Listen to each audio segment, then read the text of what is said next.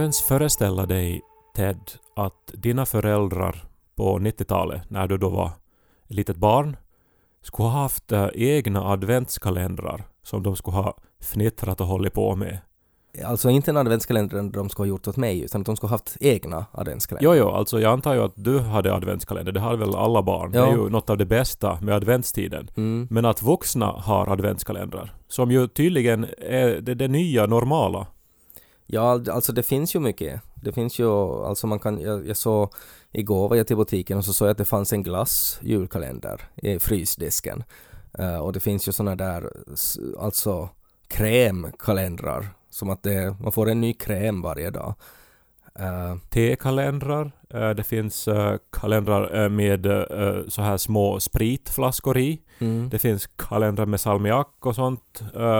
Sen årets äh, stora hett, tydligen en grötkalender. Att man får en ny äh, gröt varje dag. Ja, alltså jag, det finns ju, jag, jag förstår ju, alltså det är väldigt på något sätt i tiden. Alltså att det, det innehåller överraskningar, man får 24 produkter äh, och, och det känns också väldigt så här individuellt, att det känns som att att men, vad unikt för mig att ha en grötkalender till exempel. Och så de här vuxenleksakskalendrarna som det nu finns åtminstone två av. Som de gör reklam för på TV också. Jag stötte på det igår. Och eh, alltså 24 sexleksaker.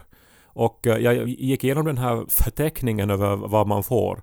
Och, och det är ju som det, det är ju som bluff alltså, alltså det är ju helt löjligt. Alltså sådana här standardsaker som alla säger Alltså oj nu fick vi glidmedel.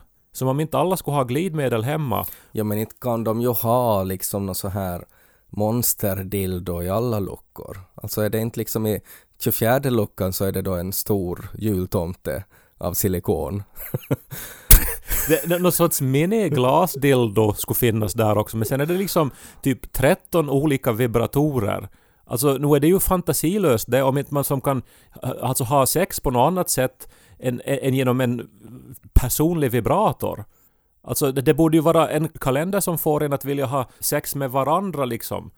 Finns det vibratorer som har alltså sådär att, att man skulle kunna programmera in alltså hur de vibrerar? Att det skulle vara så här vrr, vrr, vrr, vrr, vrr, vrr, vrr, vrr, vrr, vrr. Det är ju en affärsidé. Säkert finns det såna i den här kalendern också.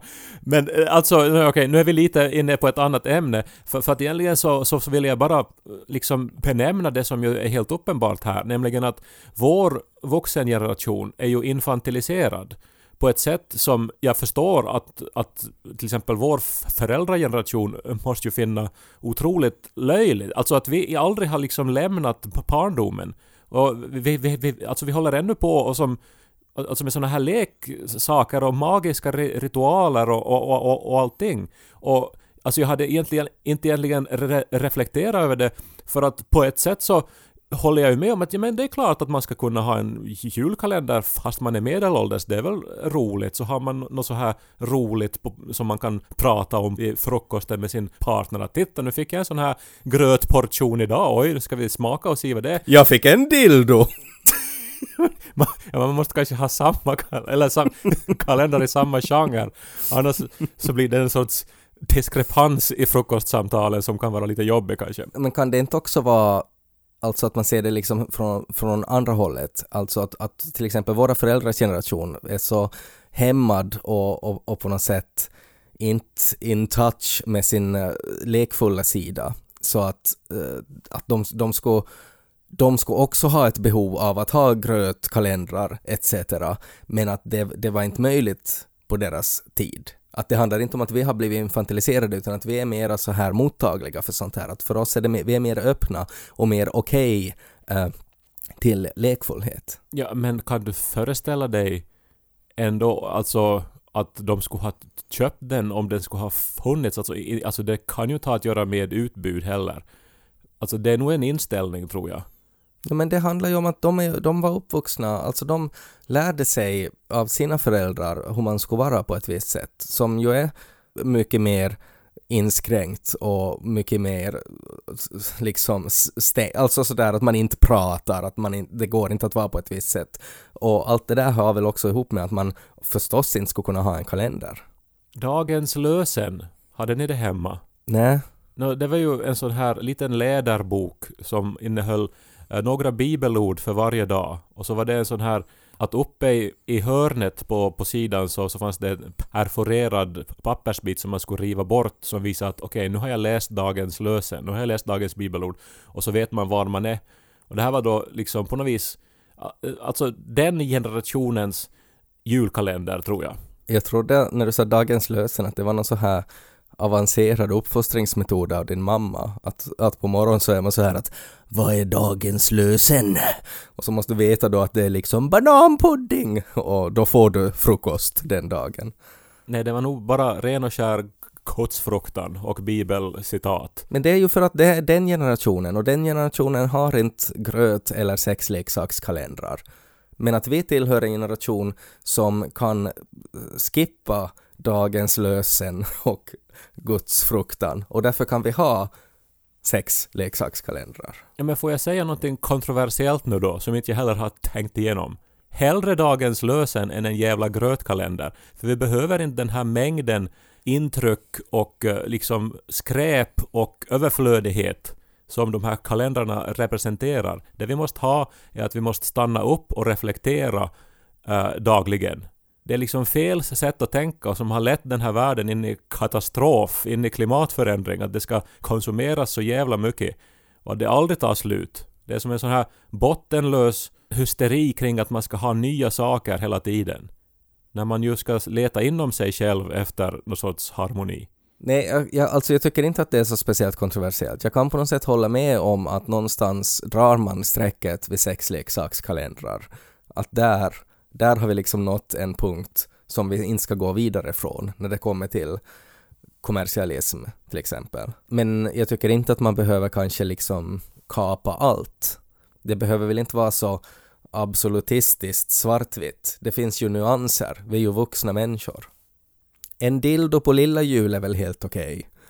Men sen behöver man kanske inte ha liksom 24. Hellre då skulle det vara att man får en till då på, på lilla jul, men den har då olika sådana här eh, vibrationsinställningar så att det kommer en ny julsång varje dag som den vibrerar i takt med sen. Mm. Så att man liksom stiger upp och så trycker man på dagens datum, nummer 13, och så är det Sankta Lucia som vibrerar i ens anus.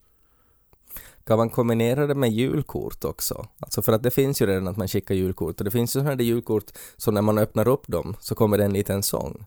Men så att när man öppnar upp dem så ska det vara då vrr, vrr, vrr, och så ska man liksom pressa det då mot sitt skrev. Om man skulle spara plast och skräp och så skulle man just få den här med meditationsstunden dagligen som jag tror att vi ändå behöver inför jul.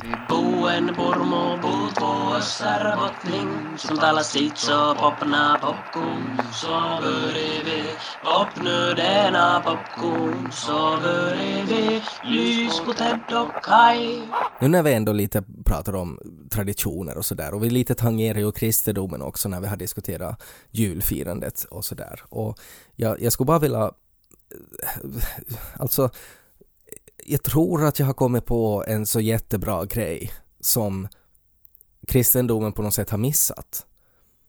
Eh, men det kan också hända att jag har missat att, att det här nog på något sätt används religiöst. Och, men att jag, är, jag är liksom tillräckligt, jag, jag är så pass eh, hednisk att jag bara inte är medveten om det här. Alltså sådär när det kommer till ikoner och sånt där. Alltså till exempel i, i katolska kyrkan så finns det ju mycket artefakter och sånt där. Alltså att man har, man har en, en staty av jungfru Maria och sen, sen så kommer det tårar. Uh, och så är man så här, åh, ett mirakel. Och sen visar det sig på något sätt alltid då att det är någon så här mögelvatten eller någonting som har runnit ner. Att det är inte liksom riktiga tårar. Men att det är ändå sådär att man accepterar att det finns magi. Ja, just det. Mm. Det är ju faktiskt förvånansvärt ofta som det just är tårar som rinner från de här mm. statyerna. Mm. Ja. Och sen förstås finns ju sådana här stigmata vid när det börjar rinna blod uh, från liksom uh, Jesus sår på de här mm. krucifixen och så här och, ja. och, och, och, och människor får starka upplevelser och det rinner också från deras händer blod. Och, ja. Exakt, starka upplevelser, det är förknippat med smärta, det är förknippat med tårar. All, allt det där, yes. Uh, sen finns ju också det här då med den här frukten i, i, paradiset. Alltså det som ju då man pratar om ett äpple, att Eva då tog det här Kunskapens träd. kunskapens träd. Men sen finns det ju också diskussioner att var det nu ett äpple eller var det nu en kumkvatt eller var det en liten avokado. Alltså det är väl lite oklart. Ja, no, alltså det var nu en, en, ett, ett enda träd av allihopa som Ja. Gud sa det där ska ni inte äta från. Ja, och var det en frukt eller var det en grönsak? Det är lite oklart.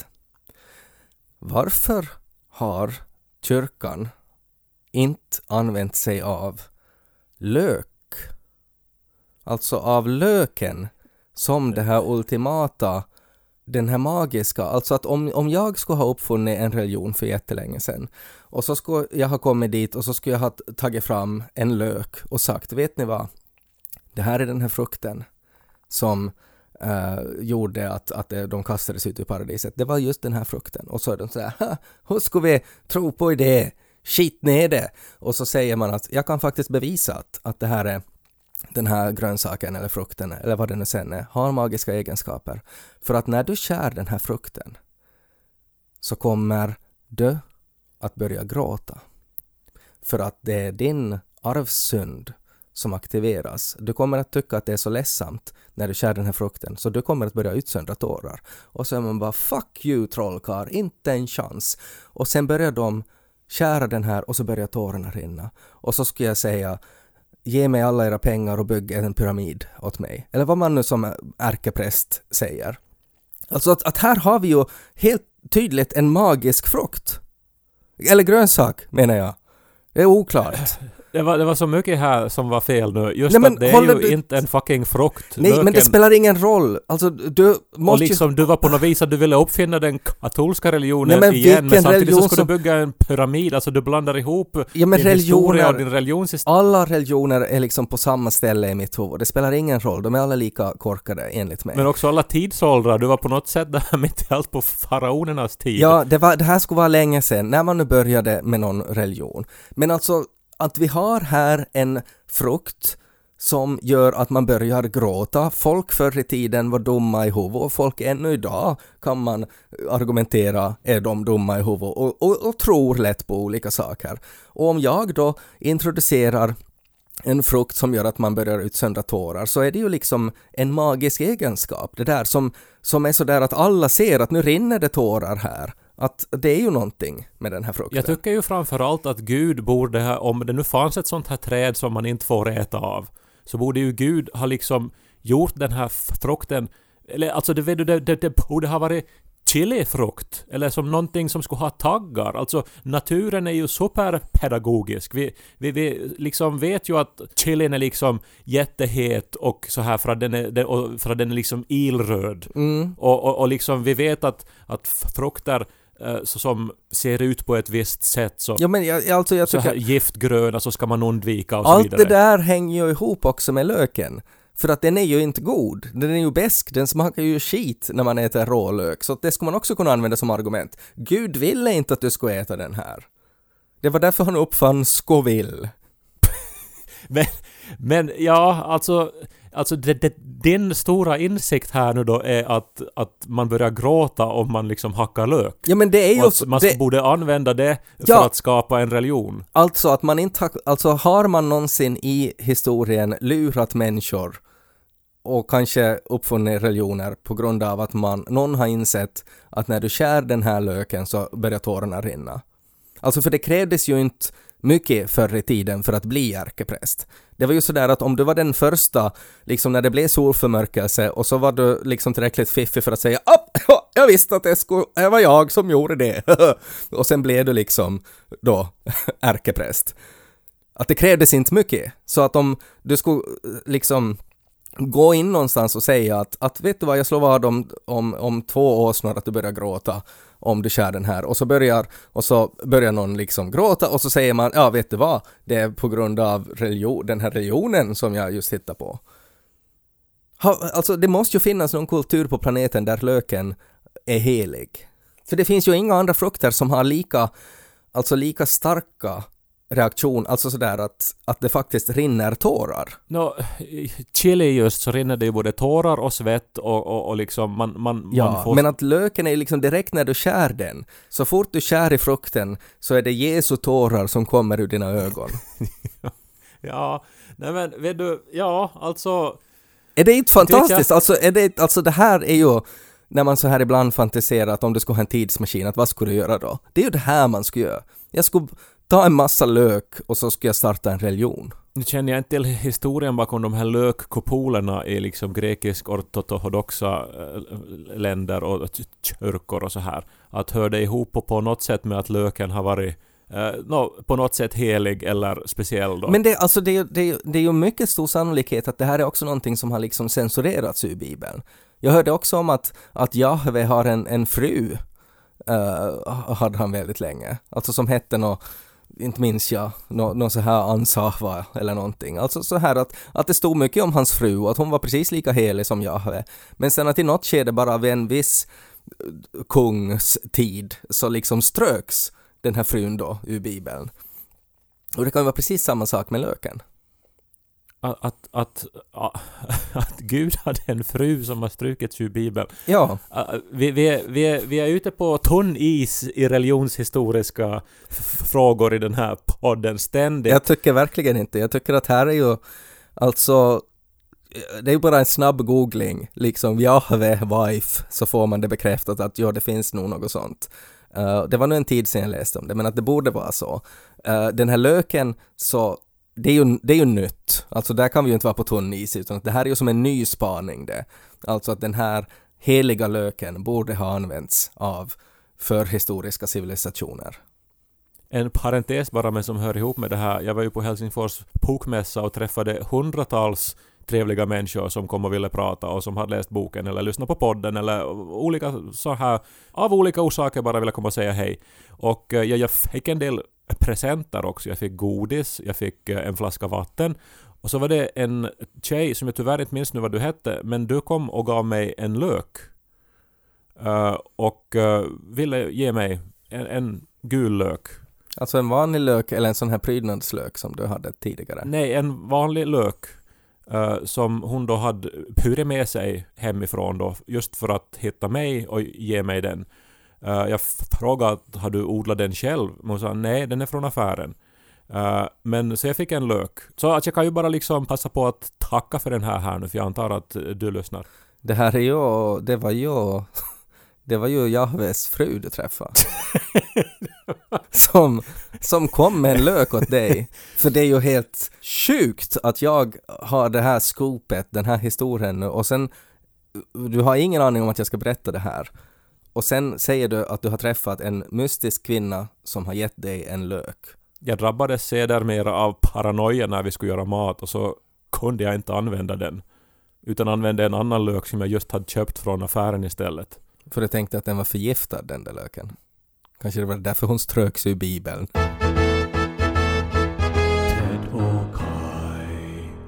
Jag har varit en hel del på internet på senaste tiden och läst olika saker och jag läste en så intressant sak om kabuki också. För, förlåt? Kabuki. Är det något djur? Vet du inte vad kabuki är? Nå, borde jag... Eller vad är det? Alltså är det ett djur? Det låter som ett djur. Men Kai, du är ju författare. Du har ju japanska träsnitt som konstverk i ditt hem och du vet inte vad kabuki är. Nå, jaha, okej. Är det något japanskt? Det är kanske den högsta formen, alltså japanska kulturformen som finns, kabuki. Ka, eh, jag tror det står för sång. Bu står för dans och ki, det står för förmåga. Kabuki. Alltså kabuki-teatern, alltså den här... Sång och dansförmåga? Ja, alltså, Ja. alltså Japans traditionella teaterform, kabuki-teatern. Där man, har, man har, använder mycket masker, där de liksom ninjor kommer ju från kabuki-teatern och sådär, alltså när man var klädd i svart. Har du aldrig hört det ordet tidigare? Hör det ihop med Peking-opera på något sätt? Nej, Peking är väl Kina? Ja, fortsätt. Vad händer? Vad är det som händer? Nej men ber- va, va, va, va, vart vill du komma nu? Alltså, ja, jag har ett japanskt träsnitt på min vägg. Ja, jag är intresserad av japansk kultur. Men nej, jag är inte insatt i kabuki-teater. Nej, det är jag inte. Ja, men det är ju en annan sak att vara insatt, men att man aldrig har stött på det är ju, är ju totalt, alltså, Ja, jag är chockad. Verkligen chockad. Och jag tror att vi är många lyssnare som är upprörda och chockade. Det jag skulle komma till var att i Kabuki-teater Eh, så finns det jättemycket riter och det finns jättemycket traditioner och att man ska bete sig på vissa sätt. Och att de här traditionerna eh, och riterna så kan man också applicera på publiken. Alltså att publiken ska också bete sig på vissa sätt. Och så bara läste jag någonting som jag tyckte var så fint. Att det finaste du som en medlem av en publik till en kabuki-teater kan säga är alltså att om du tycker att någon har gjort någonting riktigt bra så då kan du skrika ut du är bättre än din fader. Jaha. Och det är den högsta, högsta formen av uppskattning du kan visa åt en uh, kabuki-artist. Okej. Okay. Alltså att säga, säga att när det blir en liten sån här paus i dramat så skriker man Du är bättre än papp din! Men jag tänker just det är liksom inte som fadern själv som måste ropa det här då som en uppskattning till sin nej, son. Nej, för det nej, skulle ju då vara en, en otrolig uh, liksom kärlekshandling då. Att, Ja. att, att nu har du gått förbi mig i förmåga. Då är det för specifikt utan att det, är nog, det räcker att det är en främling som, som säger det där. Och det här har alltså att göra med att, att eh, väldigt mycket av, alltså tydligen rent historiskt av liksom kabuki skådespelare så har det liksom gått i arv från liksom eh, föräldrarna till barnen. Så därför var det liksom en så fin grej att kunna säga då eh, eftersom barnet då i något skede spelar säkert samma roll som föräldrarna hade spelat för att det fanns ju bara x antal skådespel. Och då var det jättefint att någon kunde säga att du är bättre än din far. Ja, alltså det här är ju på något sätt vackert och jag, och jag försöker se hur det hänger ihop med det här pappdin-uttrycket som man ju använder i Svenskfinland. Men, men det är väl då mera att man förolämpar. Men det här är också en sorts förolämpning mot den äldre generationen Ja men det, förstås. och det, och, alltså det är just det här pappdin, alltså just det uttrycket också som jag på något sätt tycker funkar så bra med det här. Alltså att det finns ju också här att min pappa är bättre än din pappa och liksom hela det här att man på något sätt jämför pappor. Men att man på något sätt förbigår allt det där och bara konstaterar att den här yngre generationen som jag just nu ser på scen, ni är bättre än den här äldre generationen. Och det finns någonting, det är någonting väldigt österbottniskt i det här också. För att det är ju inte att man säger uttryckligen att någon är jättebra, utan man, man är ju egentligen liksom nedvärderar den här äldre generationen, precis som du sa, alltså att det är, det är inte nödvändigtvis liksom jättebra nu, men åtminstone är du bättre än pappdin. Alltså så kan man ju också se på det. Ja, och det är ju att man signalerar ju som, alltså att nu har det skett en stor utveckling. Nu, nu har vi hamnat någonstans där vi inte har, har varit tidigare. Mm. Det är ju också det att det här var någonting, någonting större än, än hur det har sett ut förr. Men sen så tycker jag att det har också en sån här väldigt allmänmänsklig på något sätt sådär att, att när jag, liksom tänker på Lo så tänker jag ju att det finaste han skulle kunna åstadkomma i livet är ju att bli bättre än mig. Och så borde ju liksom civilisationen funka. Att man, om varje generation skulle vara bättre än sina föräldrar så skulle det ju leda till en utopi till sist. Och det där är ju också den där, det där lata i att skaffa barn också. Att när man inte själv uppnår sina drömmar eller gör det som man innerst inne har velat göra så då skaffar man barn så att de istället ska göra det åt en. Då för man ju också generationen vidare då liksom och gör ju vä- världen då till ett bättre ställe. Jo, jo, men avsäger sig sitt eget personliga ansvar för livets mening och lä- lassar över det då på nästa generation. Men om det på något sätt redan är förlorat, att man kan inte, man kan inte göra någonting med livets mening något mer. Och det är ju då det blir intressant som den här diskussionen som vi inledde den här podden med om istället för att göra världen bättre så sitter nästa generation och, och köper hem vibrerande dildo-julkalendrar. Ja, alltså den nya generationen är ju helt klart sämre än den tidigare på många sätt. Men det är ju också de som har uppfostrat oss. Det är ju de som har skapat den här generationen. Så att det är ju som inte heller på det sättet vårt ansvar riktigt. Att vi har blivit infantiliserade uh, vuxna. Men har, har du blivit bättre än din pappa? Jag tänker, din, din pappa är ju dataingenjör.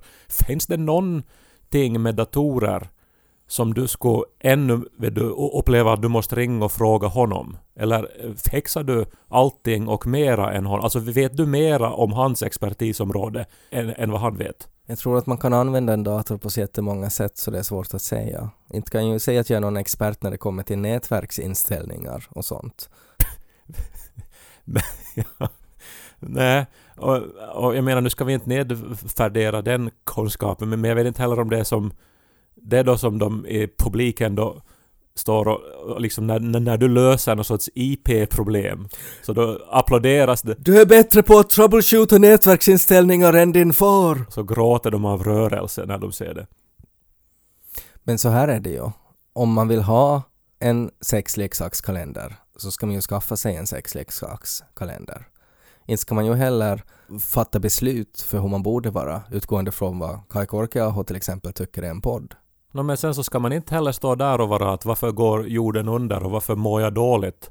För att inte ska man nu alltid göra det som faller en in och liksom följa alla impulser. Det finns ju högre mål i livet än så som, som inbegriper att man, att man väljer och att man gör aktiva val och att man motstår vissa saker. Men är det just julkalendrarna? Nu låter jag ju som att jag förespråkar No Fap November. Nej, vad heter det? No Nut November heter det här. Eller någonting liknande. Ja, Men att jag, jag menar nu inte specifikt eh, nu för, för den här sexleksaks julkalendern.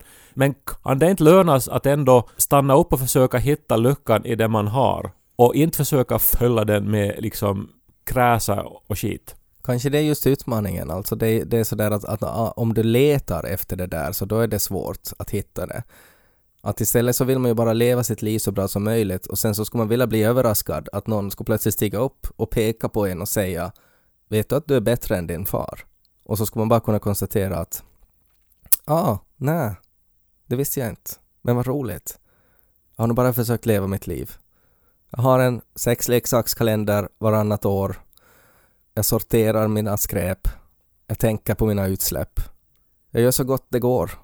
Så unnar du dig en monsterdildo då och då? Ja, för det måste man väl få göra också. Det behöver väl inte vara att man säger upp allt. Kanske den bästa julkalendern så skulle vara att man inte skaffar någonting nytt. Utan man försöker hitta 24 luckor i sitt eget hem, i sitt eget liv som man kan öppna och se vad man hittar där. På den första luckan till exempel så kan man skala en lök och känna tårarna rinna ner. Och så kan det vara en insikt att tänk om jag skulle ha levt för 5000 år sedan. Då skulle jag kunna starta en sekt med den här löken. I den andra luckan så hittar man, oho, en flaska whisky. Så har man en bra andra december. Lucka tre hittar man ett nytt avsnitt av Ted och Kai-podden. Oho, Lucka nummer fyra så lär man sig vad kabuki är för någonting. Och så är det Lucia och lilla jul och, och, och hela resten. Och så har man en helt vanlig julafton till sist. Och beroende på hushållet när man hittar lucka 24 så kan man hitta en hel uppsättning med dildon som någon har försökt gömma undan. Huvudsaken är att det är jättesynd om det i varannan lucka finns dåligt samvete. Det här, det här är dagens lösen nu. Det här... Nu är, nu är vi nära någonting sant och viktigt här. Ted, du sa någonting, någonting riktigt just. I livets kalender så ska du inte öppna tomma luckor fyllda med dåligt samvete. Skicka ett julkort åt dig själv med en vibrerande julsång.